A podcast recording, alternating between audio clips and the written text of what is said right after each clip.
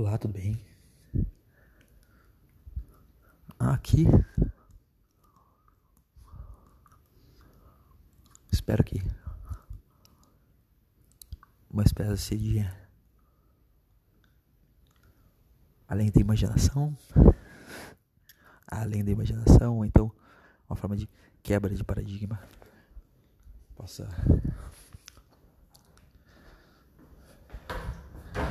acontecer. Se o que eu vou falar são histórias ou são fatos, nem eu mesmo sei dizer.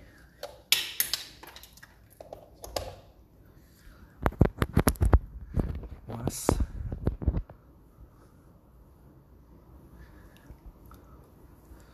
como você sabe que você está aí agora no total controle? Mais ou menos por aí. E eu vou desenvolver em breve.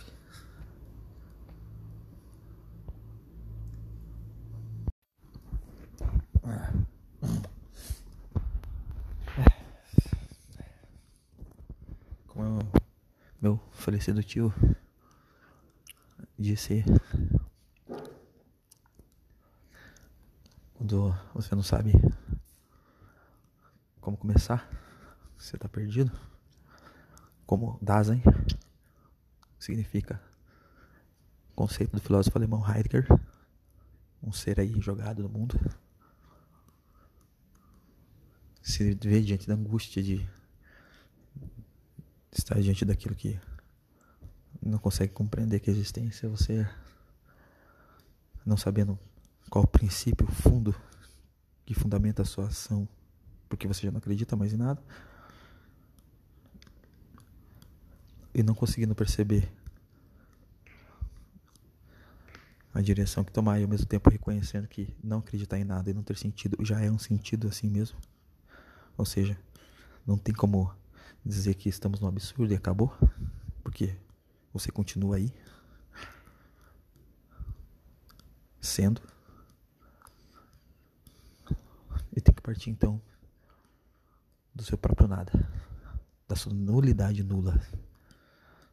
Ou seja, tem que partir para a existência. Então, ele dizia que qualquer passo que você dê já é o passo certo, uma vez que você não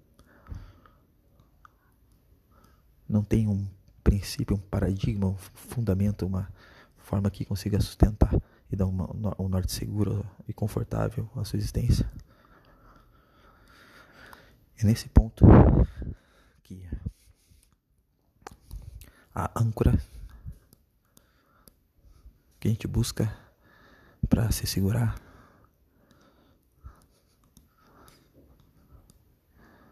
apenas é a nossa própria fala. Então, nada mais é, analogamente bom do que um aplicativo que você fala e que você tem uma âncora como símbolo que espiritualmente tem significado de segurança, de força.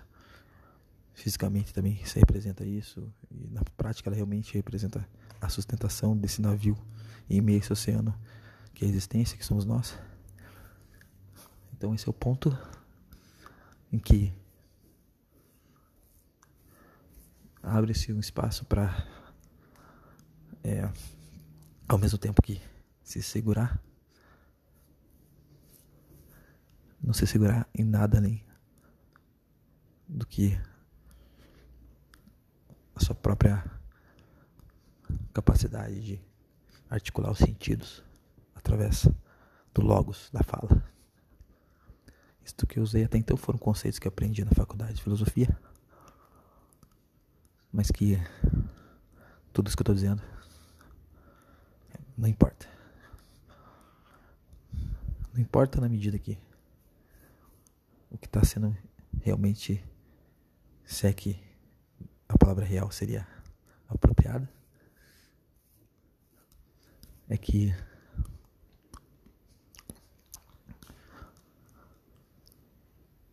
estar aí,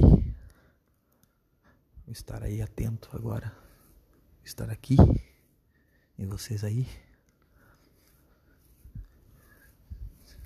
esse estar, esse momento de conseguir se ancorar na sua própria é, inteira responsabilidade, momento de sair da realidade, porque a realidade vem de res, que é coisa, que fala da coisa que, que, que a realidade na verdade é uma palavra que remete a um sentido de como se houvesse algo que que fosse por si só auto-evidente e que não precisasse ser explicado, mas que ela já é dada e é aquilo que sustenta todo o resto. Não. Aqui no meu stream isso vai né, por água abaixo. E cada marinheiro dessa viagem que ousar usar a âncora da realidade se sentirá, digamos assim, em constante vertigem. Por que, que eu digo isso? Porque eu quero porque é o que eu tenho como condição de articular. Mas não é uma lei. Entende? Então, sendo assim,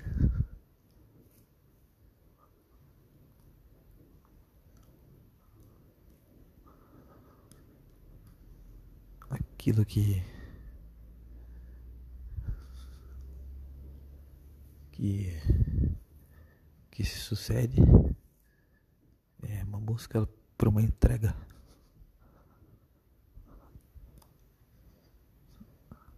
A nossa forma mais própria. Por exemplo, na minha casa solitária, condomínio, vizinhos alguns ruídos. Escuto ao fundo uma voz que soa como se ela fosse, e eu agora escuto outra, outra, como se fossem reais, meus vizinhos mesmo. E eu acho que eu gostaria de compartilhar essa experiência. E essa experiência Pode ser uma invenção, uma invenção, uma historieta, uma mentira. Mas aí o problema é Rebel. O meu único problema é que eu preciso dessa âncora agora. E segurar. Porque as próximas horas, dias pretendo.